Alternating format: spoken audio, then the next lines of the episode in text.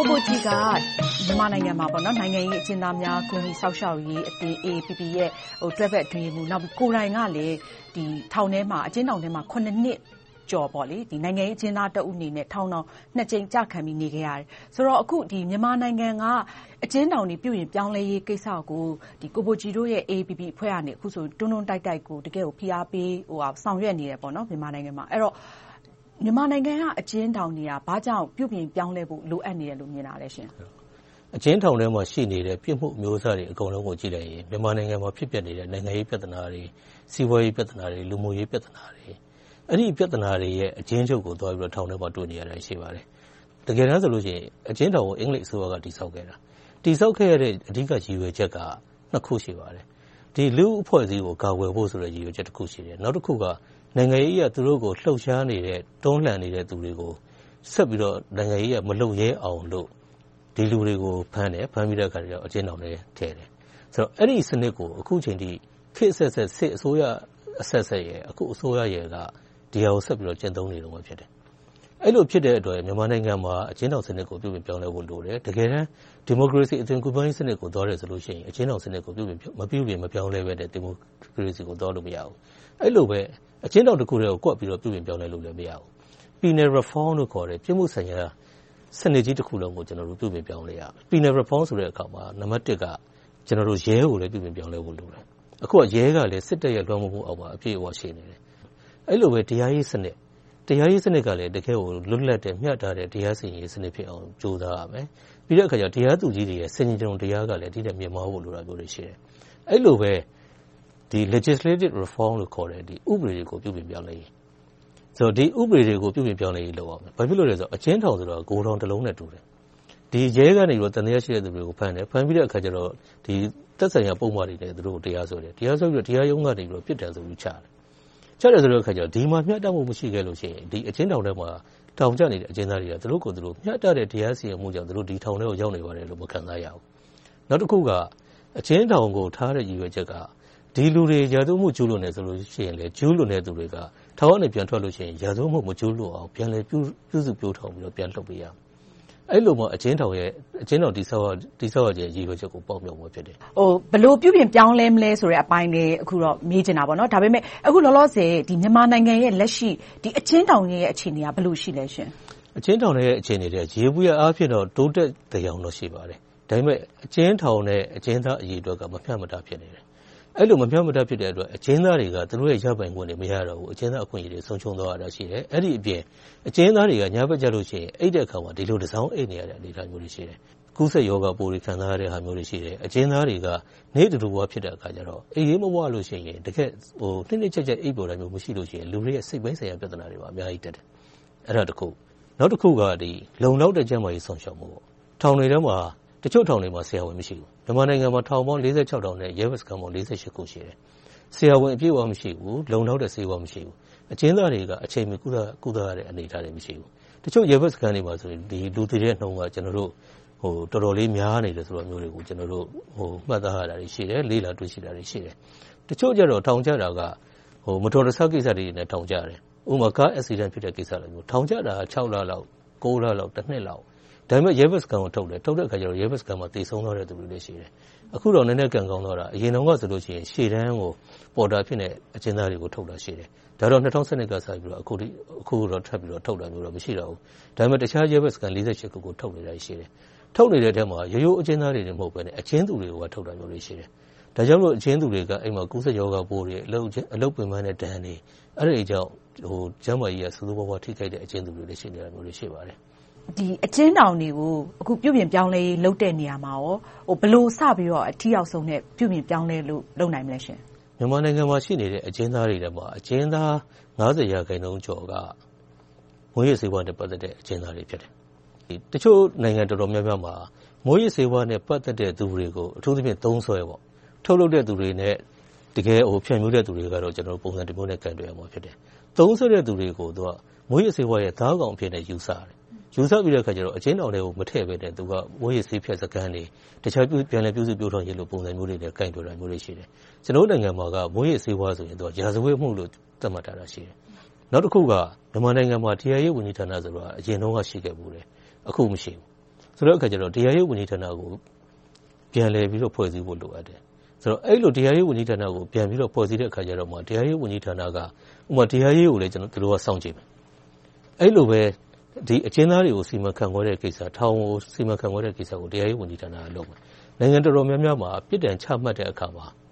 အလုပ်ကြမ်းနဲ့ထောင်ဒဏ်ဆိုတာချမှတ်လေ့မရှိဘူး။ထောင်ဒဏ်ဆိုတာပဲချမှတ်လေ့ရှိတယ်။ထောင်ထဲမှာကြတော့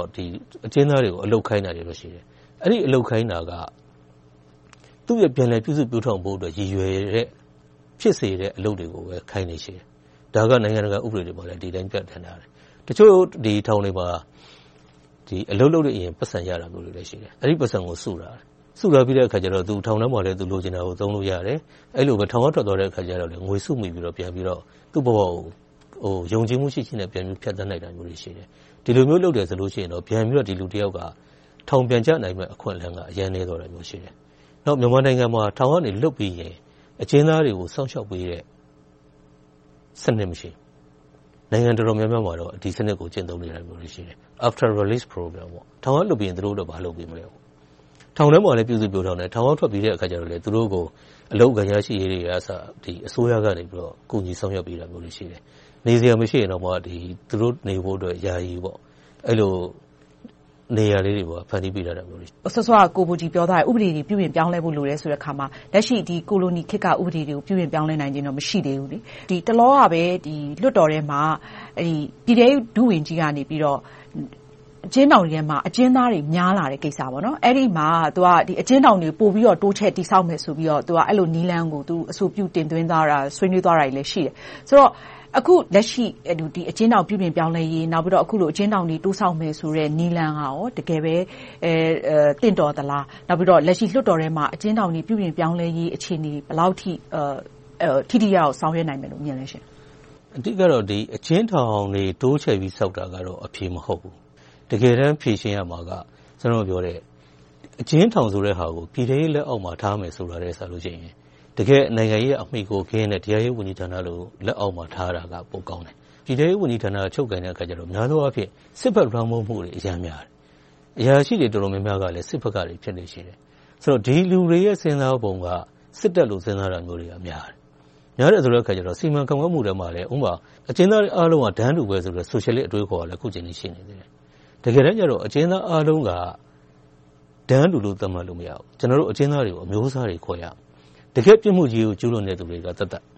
ဒါကိုသီးခြားကိုင်တွယ်ရမယ်။ဒါကသေသေချာချာလုံခြုံရေးအရကောသူတို့ကိုပြန်လည်ပြုစုပျိုးထောင်ဖို့အရအရမ်းကိုလိုအပ်နေတဲ့လူတွေ။အဲဒီလိုပဲအခုမှထောင်ကိုရောက်ဖူးတဲ့လူ၊မတော်တဆမှုတွေနဲ့ထောင်ကိုရောက်တဲ့လူဒီလူတွေကိုကျနော်တို့ထောင်ထဲမှာအတူတူသွားထားလို့မရဘူး။ဆိုတော့အဲဒီလိုမျိုးအတူတူသွားပြီးတော့အကျဉ်းသားတွေအကုန်လုံးတန်းတူပဲ၊အတူတူထားရမယ်ဆိုတဲ့အတွေးအခေါ်ကြောင့်ဘာတွေဖြစ်သွားလဲဆိုတော့အကျဉ်းထောင်ကမာဖီယာဂိုဏ်း၊ လူဆိုးတွေလူသစ်စုဆောင်းတဲ့နေရာမျိုးတွေဖြစ်သွားတယ်။သူခိုးလေးတွေကသူခိုးကြီးဖြစ်သွားတယ်။အဲဒီလိုပဲလူ့အဖွဲ့အစည်းအတွက်နောက်ထပ်စိုးရိမ်စရာကောင်းတာကကျန်းမာရေး။ထောင်ထဲမှာဖြစ်နေတဲ့ကူးစက်ရောဂါတွေကဒီလူတွေကထောင်ထဲမှာအမြဲတမ်းနေတာမဟုတ်ဘူး။ပြန်လွတ်သွားတယ်။ကျန်းကျန်းမာမာနဲ့ပြန်လွတ်တာမဟုတ်ဘဲနဲ့ရောဂါတွေနဲ့ပြန်လွတ်သွားတဲ့အခါကြတော့သူတို့ရဲ့အနီးဆုံးမိသားစုအဲဒီကနေလူ့အဖွဲ့အစည်းထဲမှာကူးစက်ရောဂါတွေပြန့်ပွားနိုင်တဲ့အနေအထားတွေလည်းရှိပါတယ်။ အဲဒီလိုပဲနောက်တခုကသူတို့တွေကထောင်ထဲမှာသေချာပြုစုပျိုးထောင်တာမဟုတ်ဘဲနဲ့သူတို့ကိုပြန်လွှတ်ပေးလိုက်တဲ့အခါကြတော့ထောင်ကထွက်ပြီးတဲ့အခါမှာရာဇဝတ်မှုတွေထပ်ပြီးတော့ကျူးလွန်တာမျိုးတွေရှိတယ်။ဒါကြောင့်မို့ဒါကိုကိုင်တွယ်တဲ့အခါမှာပြည်ထဲရေးကကိုင်တွယ်နေတဲ့ဟာကလုံလောက်မှုမရှိဘူး။ဒါကခေတ်အဆက်ဆက်ရာဇဝတ်မှုတွေတိုးပွားနေတာ၊ထောင်ကနေထွက်ပြီးရာဇဝတ်မှုကျူးလွန်နေတာတွေကပိုပြီးသက်သေပြနေတယ်။ဒါကြောင့်မို့အကျဉ်းထောင်ကိုအရပ်ဘက်အုပ်ချုပ်ရေးအောက်ကိုရွှေ့ရမယ်။အဲဒါကတရားရေးဝန်ကြီးဌာနဖွဲ့ပြီးတော့အဲဒီထဲကိုထားရမယ်။ အဲဒီတော့မှစီမံခန့်ခွဲမှုတွေကသေသေချာချာစနစ်တကျစီမံခန့်ခွဲနိုင်မယ့်အနေအထားမျိုးတွေရှိတယ်။အဲဒီတော့အခုလွှတ်တော်ထဲမှာလွှတ်တော်အမတ်တွေဆောင်ရွက်နေတဲ့အနေအထား။အကျဉ်းထောင်ပြုပြင်ပြောင်းလဲရေးဘယ်လိုအခြေအနေရှိတယ်လို့မြင်ပါလဲ။အဲဒါက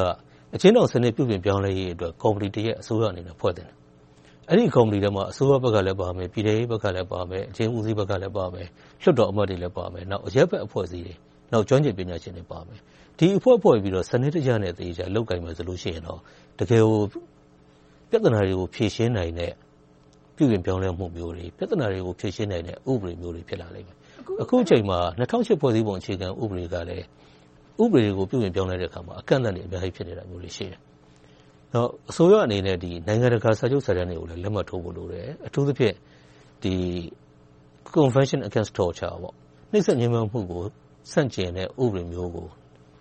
ကုလသမဂ္ဂမှာလက်မှတ်ထိုးသင့်တယ်။အဲဒီလိုလက်မှတ်ထိုးပြီးလို့ရှိရင်ဥပဒေတွေကိုလည်းဒီဟာတွေနဲ့အညီပြုပြင်ပြောင်းလဲဖို့လိုတယ်။ပြီးရင်နည်းပညာလည်းနိုင်ငံတကာကနေယူလို့ရတယ်။နောက်မြန်မာနိုင်ငံကဆင်းရဲတဲ့နိုင်ငံဖြစ်ပါတယ်။ငွေကြေးလည်းအများကြီးသုံးစွဲနိုင်တဲ့ကိစ္စမျိုးမဟုတ်ဘူး။ ပြုပြင်ပြောင်းလဲမှုဆိုတာငွေကြေးလိုအပ်တယ်။အဲဒီတော့အခုဆိုရင်ဒေါ်အောင်ဆန်းစုကြည်ဦးဆောင်တဲ့ NLD အစိုးရ-အဲဒီအစိုးရမှာတကယ်တမ်းပြည်နယ်တွေဖြစ်ဖြစ်၊တိုင်းဝန်ကြီးချုပ်တွေဖြစ်ဖြစ်အများသောအားဖြင့်ဆိုရင်သူတို့ကိုယ်တိုင်နှစ်ပေါင်းများစွာထောင်ထဲမှာနေခဲ့ရသူတွေ။အကျဉ်းထောင်ထဲမှာနေခဲ့ရသူတွေဖြစ်တဲ့အခါကြတော့စောစောကကိုဘိုကြည်ထောက်ပြသလိုအကျဉ်းထောင်ပြုပြင်ပြောင်းလဲရေးမှာအစိုးရဦးဆောင်တဲ့ကော်မတီတရပ်အားလုံးပူးပေါင်းပါဝင်တဲ့ကော်မတီတရပ်ဖွဲ့စည်းရေးဆိုတာကိုထိထိရောက်ရောက်ဆောင်ရွက်ဖို့အနေအထား။အဲဒီတော့ဒေါ်အောင်ဆန်းစုကြည်တို့အစိုးရအနေနဲ့ထိထိရောက်ရောက်ဆောင်ရွက်နိုင်မယ့် အနေအထား ရှိမရှိ ဘယ်လိုမြင်လဲရှင့်။အဲဒါကတော့ ကျနော်တို့ ဆက်ပြီးတော့ ဆွေးနွေးနေရမှာပါ။အခုတော့ ကျနော်တို့နဲ့ ဆွေးနွေးမှုက နည်းနည်းလေး စိတ်လာတာမျိုးတွေ ရှိပါတယ်။ဒါကတော့ ကောင်းတဲ့ဘက်ကို သွားတယ်လို့ ယူဆရပါတယ်။သူတို့ဘက်က စိတ်ဝင်စားတယ်လို့ တွေ့ရလား။အခု လွှတ်တော်အမတ်တွေဘက်ကတော့ စိတ်ဝင်စားတယ်။အစိုးရဘက်ကတော့ ပြည်ထဲရေးကတော့ ကျနော်တို့ တွေ့ခွင့်တောင်းနေတာကိုအခုအချိန်အထိတော့တရားဝင်တွေ့ခွင့် မရသေးတဲ့ အနေအထားမျိုးတွေ ရှိတယ်။ဒါပေမဲ့ ကျနော်တို့ထုတ်တဲ့ Report တွေ အစီရင်ခံစာတွေ အဲဒါတွေအကုန်လုံးကိုတော့ပြည်ထဲရေးကိုလည်းပို့တယ်။အစိုးရကိုလည်းပို့တယ်။လွှတ်တော်အမတ်တွေကိုလည်းပို့ပါတယ်။ဒီဟာတွေပေါ်မှာတော့သူတို့လေ့လာလိမ့်မယ်လို့ယုံကြည်ပါတယ်။အခုလို VOA မှာလာပြီးတော့အကျဉ်းထောင်ပြုပြင်ပြောင်းလဲရေးနဲ့ပတ်သက်ပြီးတော့ရှင်းပြပေးတဲ့အတွက်